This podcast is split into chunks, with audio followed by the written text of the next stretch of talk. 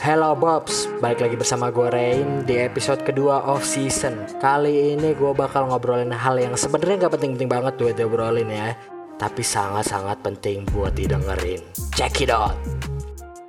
Oke guys, jadi kita di sini ditemani sama tamu spesial. Anjay, kenalin dulu dong. Siapa nih? Nama lu siapa nih? Yo, anjay. Eh, kenalin nama gue eh nama panjang gak nih? Terserah. Ah, setelah, setelah. Oke, nama gue Nur Majid Taufik Rohman, Nah, biasa dipanggil biasa dipanggil Majid. Majid, anjing. Nah lu nih apa nih? Apanya tuh? Jadi lu nih apa nih sampai bisa diundang? Sebenarnya kayak gue diundang gara-gara gue maksa-maksa lu gak sih, Ren? Ya elah. Iya sih benar. Enggak, tapi lu lagi belajar apa nih sekarang, Jid? Gue sebenarnya ya gue tuh kan orangnya emang suka sama semua hal ya. Jadi gue Ah. belajar apa pun cuma sekarang karena gue eh di sejarah gitu. Oh, sejarah. gue kuliah di sejarah gitu jadi ya penghususan pembelajaran gue di ke sejarah, gitu, Sejarah. lebih ke sejarah Ah. ya Oke, sejarah. Menarik tuh, Jid. Nah, ngomong-ngomong soal sejarah nih. Jadi, gue denger-denger nih, maksudnya apa ya? Gue Hmm. pernah baca gitu di Iya, internet kayak eh, bisnis tertua di dunia itu adalah bisnis prostitusi, Jid. Bener apa enggak? gue pernah baca di beberapa artikel sebenarnya enggak Oh, enggak. jadi kalau nggak salah gue lupa profesi apa yang pertama tuh cuma emang eh, apa sih prostitusi ini udah ada kalau nggak salah tuh di 4000 tahun lalu gitu 4000 tahun lalu. Hmm, khususnya kayak di Buset.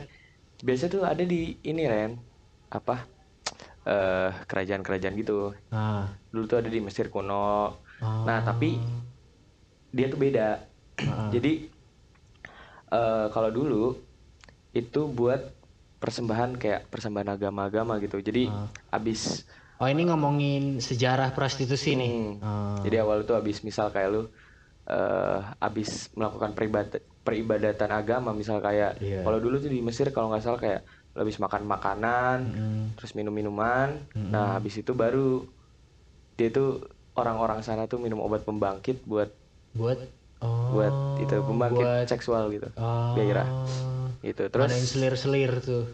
iya gitu udah. tapi kalau di Indonesia sendiri ya di Indonesia sendiri tuh dari beberapa sumber yang gue baca jadi ada tuh di abad ke-9 mungkin sebelumnya itu udah ada gitu kan Mesir kuno aja 4000 tahun lalu kan cuma baru ada di kayak sumber sumber sumber sejarahnya tuh dari kitab-kitab sastra Jawa terus dari berita asing Cina tuh dulu tuh ada namanya jalir jadi Jalir. seks tuh namanya jalir bukan Oh. eh, PSK gitu kayak sekarang namanya jalir. Nah di beberapa literatur tuh disebutin ya itu jalir terus ada namanya juru jalir itu pemungut eh, pajak. Jadi dulu dipajakin di zaman kerajaan tuh. Dulu dipajakin tapi Oh. Jadi pajaknya kayak diregulasi gitu. Hmm, tapi pajaknya itu nggak dituju ke si pekerja seksnya, ke mucikarinya. mucikarinya.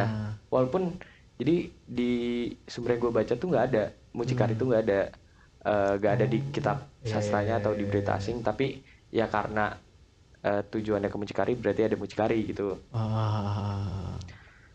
Nah, eh dulu tuh yang jadi permasalahan dari dulu tuh ininya sih sebenarnya.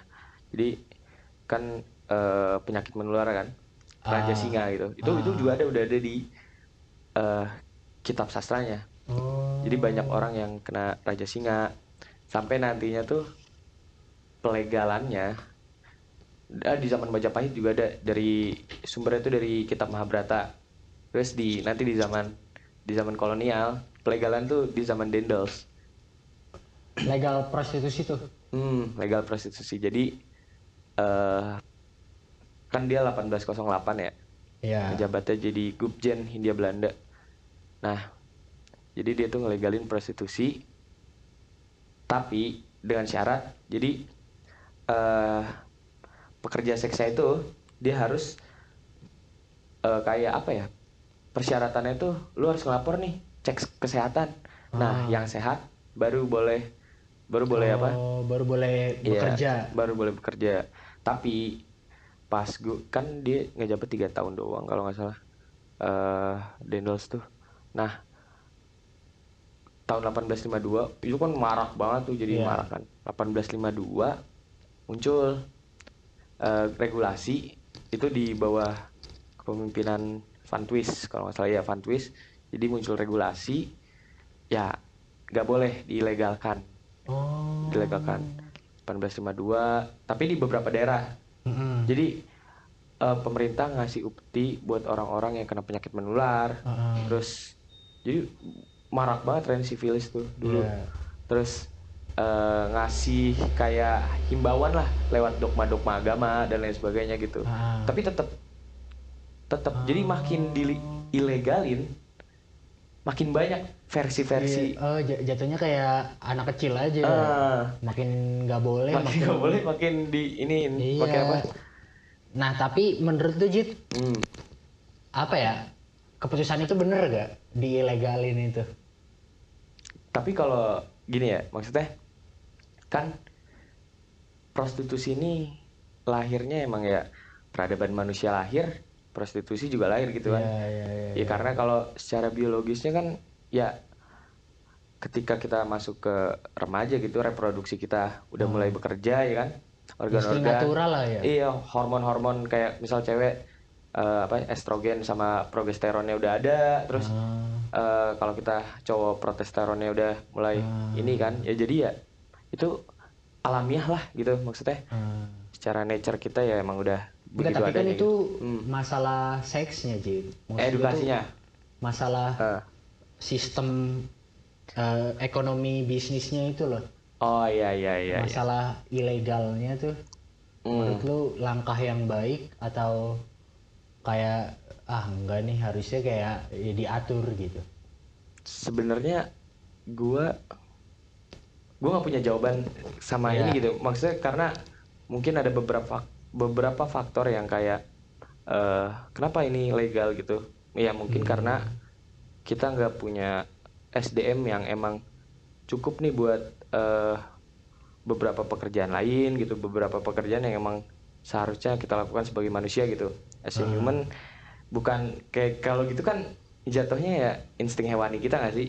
ya Tapi kalau gue lihat di luar ya Ren, jadi gue pernah lihat talk show gitu, eh bukan talk show sih, ya talk show sih, debat antara orang-orang yang anti sama sex worker, ah. Terus orang yang emang eh, kerjanya sex worker gitu. buset deh. Iya, jadi nah orang-orang yang rata-rata anti sama sex worker itu ya jelas baunya kayak dogma agamanya gitu. Hmm. Tapi orang-orang yang emang kerjanya kayak gitu, ya dia bilang sebenarnya yang gue tangkep ya banyak keunikan gitu. Jadi yang kerjanya sex worker ini dia bilang ya gue tuh bukan sekedar muasin si cowok dan- Klien. iya bukan mu- muasin si klien dan gue dapet duit. Enggak enggak gitu. Cuma ya kadang banyak banyak banyak dari mereka tuh curhat juga sama gue kayak fantasi mereka nggak terpuaskan sama istrinya. Jadi ya demi kebahagiaan mereka akhirnya dia tersalurkannya sama gue jadi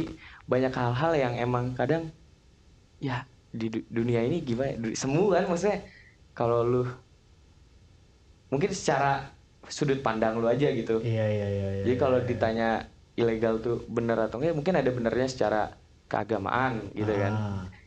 tapi ya secara kadang lu kalau ngeliat dari sisi kemanusiaannya gitu-gitu ya kadang ya Oh, iya iya iya iya, bener bener Gitu bener, sih. bener, bener.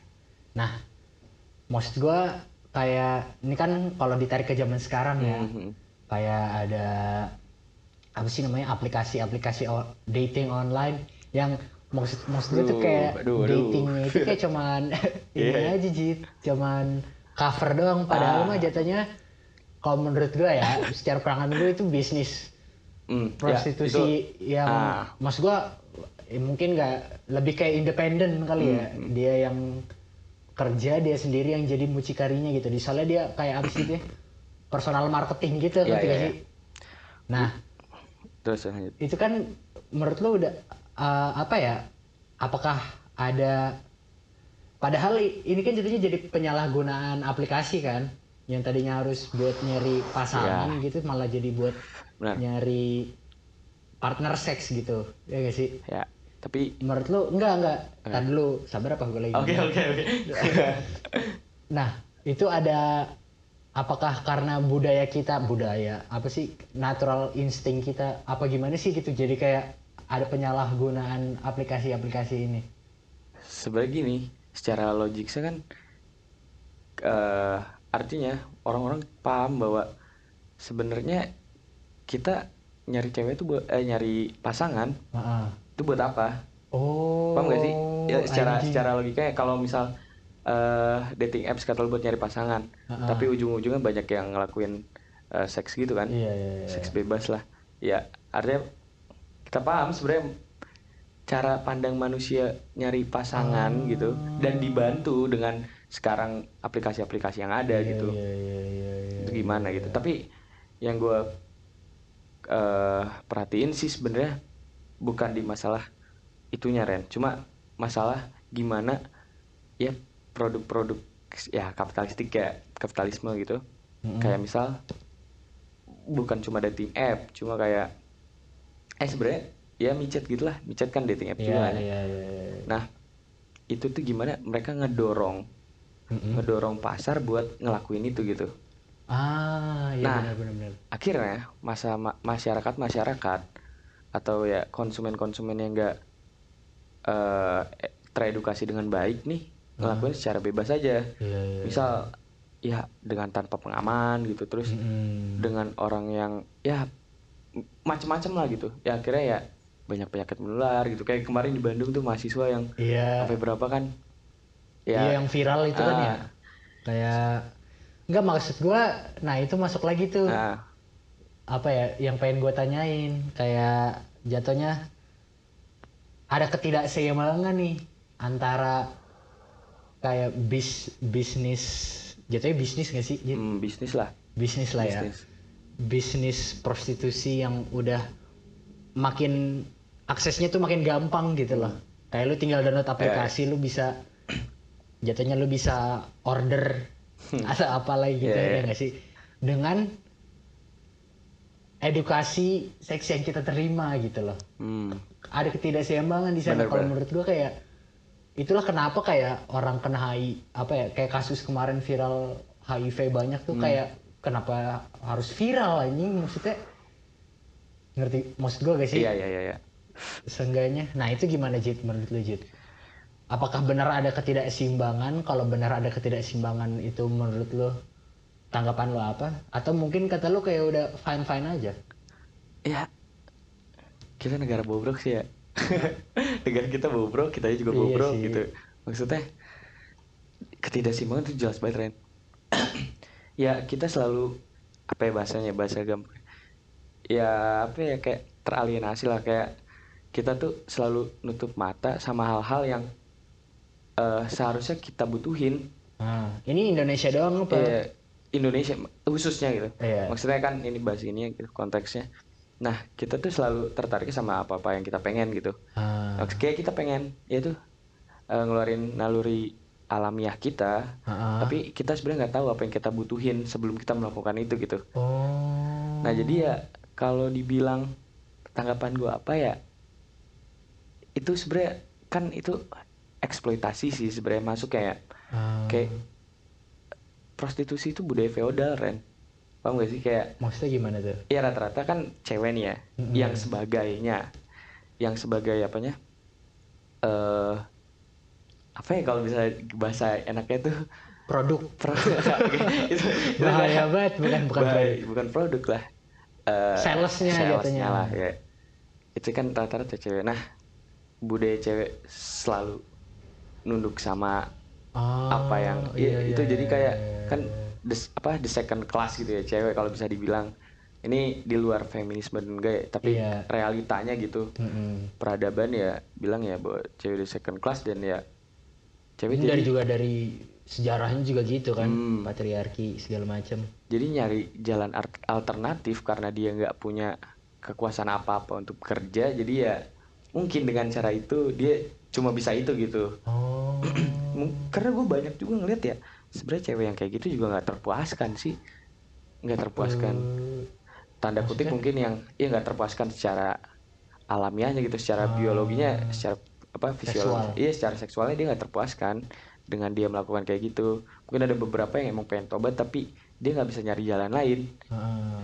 ditambah budaya eh, kapitalistik kita yang sekarang tuh apa apa kan kerja susah gini-gini Iya, segala macem iya. ada persyaratan yang ininya gitu apalagi Hmm. misal tahu-taunya CV lu lu bekas sex worker gitu kan PA kan Tapi menurut lo apakah masyarakat harus tetap kayak pandang sebelah mata gitu loh? wah enggak gue nggak setuju Maksudnya kayak eh, terhadap sex worker ini, Hmm. apakah ya seperti yang lo bilang gitu kan, apakah mereka nggak boleh naro itu di CV gitu? ya Apakah nggak maksudnya kan kalau menurut gue ya pandangan ya pandangan kita lah sebagai orang kalau kayak kerjaan lo apa? Kalau ada orang ngomong oh gue sex worker gitu. Pasti lu kayak kaget sekaligus ngejudge gitu kan. Nah Ya. menurut lu tuh itu bukan salah atau benar sih jatuhnya uh, baik atau enggak itu Jit? gue sangat-sangat gak terima kalau misal orang mandang sebelah mata sex worker gitu. Karena Hmm. sex worker ini pernah jadi bagian dari sejarah Indonesia gitu. Di masa masa revolusi gitu kan Soekarno gitu lewat Partai Nasional Indonesia dia pernah lah gitu kayak buk- bukan ngejual ya cuma banyak orang-orang lewat PNI itu jadi mata-mata. Mm-mm. mata-mata polisi polisi-polisi Indonesia. Iya polisi-polisi India Belanda gitu. Oh. Buat up- untuk untuk eh, dalam upaya eh, kemerdekaan gitu jadi iya iya iya iya selalu ada keunikan gitu di setiap peradaban nah yang mata-mata ini jadi sex worker Eh, gitu iya jadi sex worker Oh. jadi dia sambil kayak gitu sambil curhat Iya. gitu Oh. gini-gini jadi Oh, menarik mata-mata tuh. gitu Iya iya iya. iya. jadi selalu ada keunikan jadi nggak semuanya sex worker itu tentang eh, budaya feodal atau juga penyimpangan agama penyimpangan gitu. ya. agama cuma kan kita lebih bisa bawa ini ke apa ya hal-hal yang lebih humanistik gitu maksudnya yang kayak kita bisa lihat dia dari hakikat dia sebagai manusia gitu sama aja gitu Hmm. lebih lebih setara lah Oh. apa bedanya kita sama sex worker kan cuma secara kerjanya doang tapi kita juga melakukan kan Nah. Iya sebenarnya iya gitu iya. Dan itu tuh kalau dari series Peaky Blinders tuh, Oh, ya iya. elah, Siap, siap. cacat banget ya gue ya sumbernya ya. Enggak maksudnya itu ada quotes dari karakter utamanya itu Tommy Shelby oh yang ngomong katanya oh iya iya. kita semua ngejual kita kita semua adalah PSK, gitu. Cuma kita menjual different parts di uh, Ya, part body yang kita. beda dari maksudnya semua orang tuh jual diri Iya, cuman ngejual beda-beda aja yang mereka jual tuh apa Nah, kayak ah. iya menurut gue itu nendang banget sih iya iya iya. Jadi ya bener sih kalau gue juga setuju sih jangan dipandang sebelah mata. Masalahnya kan itu kan sebenarnya yang salah itu budaya kita ngelihat sex worker sebagai masyarakat pinggiran. Maksudnya? Iya kita budaya budaya budaya orang orang Indonesia khususnya. Karena mungkin kan ya balik lagi agama ya Ren. Cuma ya eh kita kan bisa ngeliat ini dari ya itu yang gue bilang hakikat manusia gitu. Kita budaya kita yang ngelihat PSK itu sebagai manusia pinggiran. Tapi sebenarnya mungkin aja gitu. Kayak PSK punya edukasi yang baik tentang eh, mungkin masalah seksualitas masalah lain-lain. Dan gue rasa banyak kok mahasiswa gitu. Hmm, atau ya pelajar yang dalam tanda kutip dia struggle. Ya cuma untuk struggle buat ya mungkin biaya kuliah dan lain-lain. Ah. tapi secara edukasi dia juga apa ya eh literate gitu Iya, lah iya, iya. ter ber apa ya itulah iya terbuka teredukasi lah gitu teredukasi iya bener sih bener bener bener bener, bener. Jadi ya- siapa tahu lu yang ngejudge lebih tolol lebih tolol Gitu karena lu ya. mandang sebelah mata itu juga tolol gitu iya iya sih bener bener bener, bener. orang yang tolol kan orang yang nggak bisa buka perspektif gitu padahal ya dunia ini gila Iya, kan iya, segitu iya, iya. luasnya lu kalau ngelihat Aha. orang dari cara pandang lu bukan cara pandang dia gitu ya lu orang yang terpolarisasi aja gitu lu orang yang gitu-gitu aja lu gak bakal bisa iya, dinamis iya, fleksibel iya. gitu-gitu jatuhnya terkungkung di kotak kita sendiri nah ya itu dia apalagi kan budaya setiap manusia itu beda-beda kan Mm-mm. dari cara ya dia dia tinggal di mana ya budaya beda mungkin kalau budaya eh secara lebih yang barat gitu mungkin ya biasa-biasa aja mandang sex Iya, worker iya, gitu kan iya, iya, iya. Iya sih bener. Aneh sih malah Hmm. kadang-kadang. Nah, itu yang tadi lu bilang gitu. Maksud gua kayak sebenarnya semua ini tuh berkesinambungan termasuk dari adanya bisnis prostitusi sebenarnya mencerminkan sistem kapitalisme yang terjadi sekarang ini Iya, Jin. iya, iya. Gue dengar dari ada suatu cerita gitu. Eh, ini eh dia gue apa ya Ren apa? bakar apa gue Iya. oke Nah, Lanjut. ini cerita dari jatuhnya mucikari, mucikari di Amerika tahun 50-60 namanya Iceberg Slim. oke Nah, dia itu nyeritain sistem dia sebagai mucikari tuh memaintain para jatuhnya para pekerjanya Hmm. yang menurut gue itu serem banget Jit. gimana tuh maksudnya tuh apa ya sangat-sangat berkesinambungan gitu sama apa yang terjadi sekarang. Jadi kalau kata dia tuh intinya ya jadi kan ada jatuhnya ada pekerja yang paling topnya lah gitu kan. Hmm. Iya. iya iya iya. Dia punya pekerja paling top nih si iceberg ini. Jatuhnya penjilat bosnya lah penjilat bosnya. Tangan kanan nih tangan kanan bosnya. Nah suatu saat nih tangan kanan bosnya ini dia pengen keluar lah dari kantornya si iceberg ini. Terus? Nah terus pokoknya singkat cerita si icebergnya ini eh, menemukan sebuah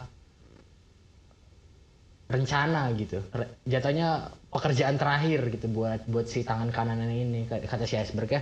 Ini lu boleh keluar tapi lu harus ngelakuin ini satu kali lagi buat gua gitu.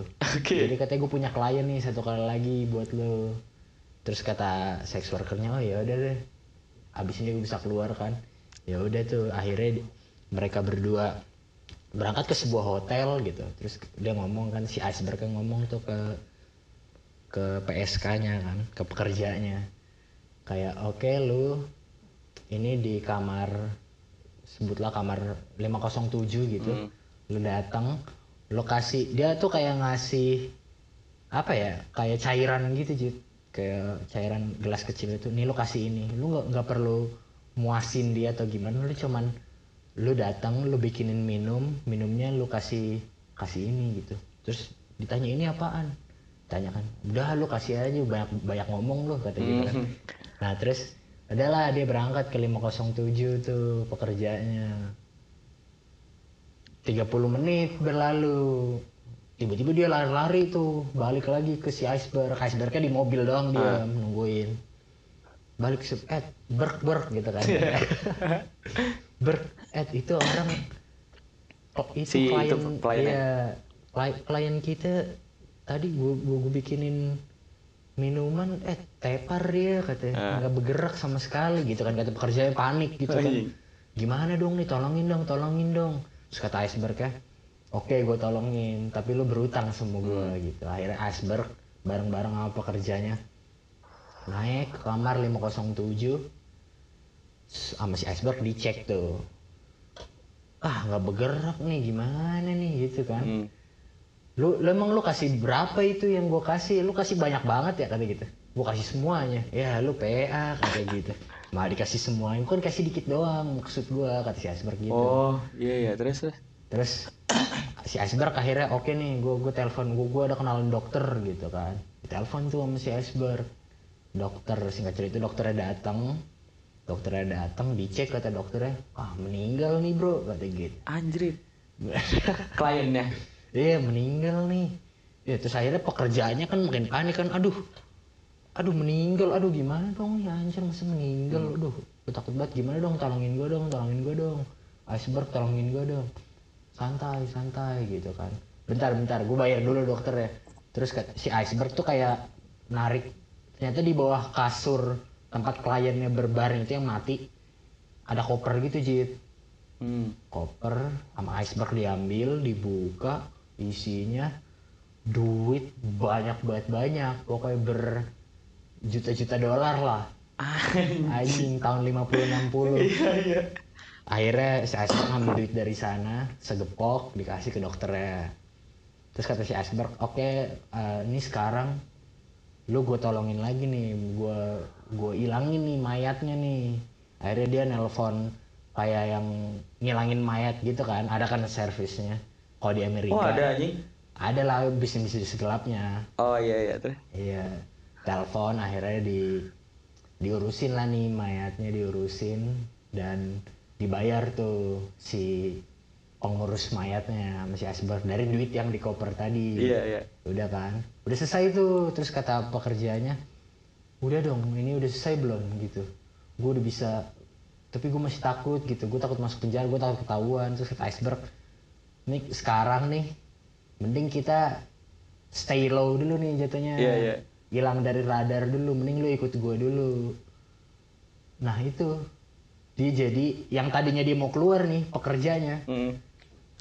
malah jadi sama iceberg 6 bulan lagi Anjing. karena kejadian itu dan ternyata si dokternya itu cuma sekedar tukang daging yang punya punya jas putih Bangke. terus kayak semua itu semua cuma skenario Eh, yang yang yang dibikin sama iceberg buat biar si jatuhnya yang jagoannya ini kan pekerja yang tangan kanannya dia ini Kelas stay sama dia ya. lebih lama lagi anjing. dan itu kalau menurut gue relate Jit Ah. sama sistem kapitalis sekarang Iya, yang iya. jatuhnya tuh milking apa sih memeras hmm, hmm. memeras pegawainya sedemikian rupa apa semua skill dia tuh diperas tapi biayanya tuh nggak sepadan Ah, gitu ya, ya. ngerti gak sih Paham anjing. nah itu ironinya kalau menurut gua Tapi ya gila sih maksudnya itu kelihatan banget Ren bahwa sebenarnya harus ada semacam kesadaran sih dari perempuan itu sendiri gitu. Heeh. Kan tapi kan bukan perempuan doang Jit enggak maksudnya yang di ini lo kan. oh iya iya di cerita tadi Ya ya based on fact aja maksudnya sekarang ya kita Ah. lihat secara data pun rata-rata perempuan mungkin sekarang Iya. ada yang eh gigolo bahasa gigolo gitu-gitu dan lain cuma rata-rata gitu kan. Mm-mm. ya ironinya ya itu kan tadi nah maksud gue tuh harusnya perempuan punya semacam kesadaran buat ya seenggaknya punya gerakan lah gitu Mm-mm. buat keluar dari ya semacam sistem kapitalis yang kayak itu jahat banget kan maksudnya yang salah kan sebenarnya ini para mucikari mucikari ini kan. Iya. ya maksudnya kan eh, ya mungkin kalau sekarang ya ini micet juga istilahnya mucikari dong. Yang Ah, yang punya yang punya micet, iya terus benar. yang punya dating app. Ya walaupun sekarang budayanya lebih kapitalisme digital gitu kan digital Iya. kapitalisme gitu.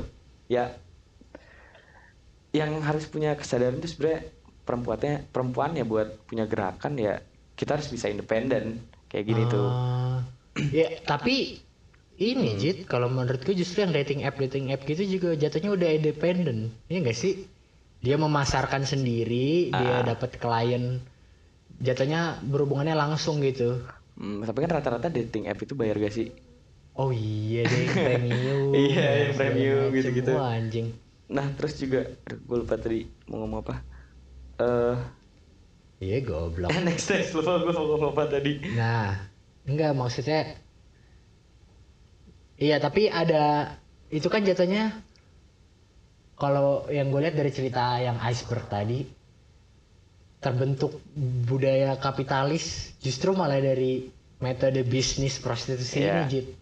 Tapi ada kayak budaya-budaya lain nggak yang menurut lo terpengaruh dari adanya uh, dunia prostitusi ini? Hmm, kalau dibilang eh budaya lain yang terpengaruh sebenarnya malah menurut gua budaya prostitusi itu yang mempengaruhi cara orang Indonesia dalam melakukan eh tanda kutip kejahatan seksual dan lain-lain. Ah, Jadi gimana tuh? semakin berkembangnya ya apa kapit apa kapitalisme digital gitu ya Iya. dengan orang-orang dengan gampangnya eh main micet gitu-gitu dan segala macem ya itu yang lama-lama ngerusak otak dia gitu Heeh. buat gampang banget ngelakuin wanita tuh serendah itu gitu Oh, Jadi bu- makanya lahir Andrew Tate. Ya, nggak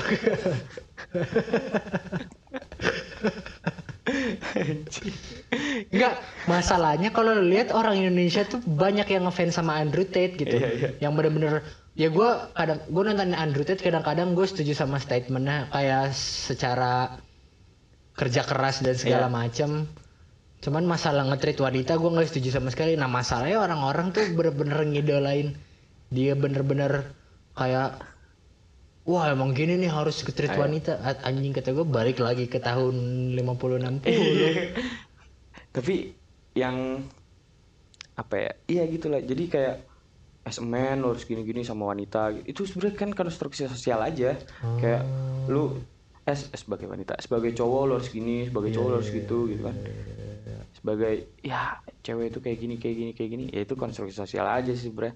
Itu kan ya itu minimnya kosakata seks dan gender di Indonesia gitu Iya iya yang iya, iya, iya. ya yang ngebuat kita nggak bisa bedain gitu-gitu terus juga nih nyaret agak kapitalisme sedikit gitu ya maksudnya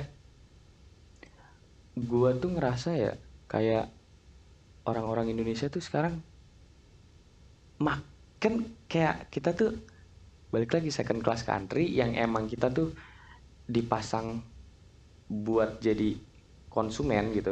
Jadi Mhm. kapitalisme itu sekarang maknanya bagi gue berganti dari uh, mode mode of production jadi Mhm.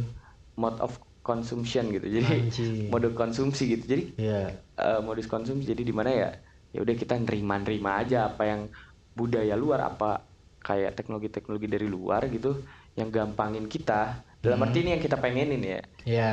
jadi ya itu konsumsi kita terhadap hal-hal yang berbau pornografi gitu Heeh. akhirnya kan mengikis kesadaran kita tentang seks edukasinya Heeh. Oh. seberapa banyak orang sih yang ngeliat sex education dari hal edukasinya di Indonesia sendiri kalau lu lihat Oh. realitanya misal ada orang yang nonton sex education Iya, iya, seberapa iya, orang iya, yang iya, sadar iya. tentang edukasi seksnya Iya iya iya benar benar benar. yang malah mereka lihat anjir gue di episode pertama langsung ketemu Iya, yang iya, gini-gininya iya, gitu iya, iya, Ya, iya, iya, itu kan kerusakan otak mungkin ya Ah, benar benar Eh, benar benar iya. benar benar. karena mungkin apa sih kalau di biologi itu PFC kita prefrontal cortex kita mungkin Ah. ya yang kena gitu kira ya kita punya semacam dirty mind yang akhirnya kita ngelihat apa pun tuh dari hal-hal yang emang sifatnya pornografi gitu jadi kita nggak punya Oh. Nalar kritis lagi buat ngeliat itu dari edukasi seksnya jadi ketutup friend Ah, ketutup. padahal intensinya tuh untuk mengedukasi Iya, ya. buat mengedukasi gitu. Apalagi dengan gampangnya, makanya kita tuh budaya praktis kita dibuat sama mungkin ya semacam kuasa gitu, kuasa Ah. dalam arti kapitalisme ini sendiri. Ya, yang akhirnya mereka eh kita tuh nutup diri gitu dari Hmm. nalar kritis dan lain-lain sebagainya dari buku-buku yang berbau edukasi gitu. Jadi gampang banget nih kapitalisme tuh masuk gampang Oh. di di Indonesia itu sendiri apalagi khususnya di dating app terus di eh, iya micet dan lain-lain Iya, segala iya, macam iya, iya, iya. jadi ya Anjing. Gitu. Iya sih jatuhnya kayak balik lagi semuanya tuh tentang kapitalisme. Hmm, Ya iya Jit? parahnya mungkin Iya, diparahin parahnya.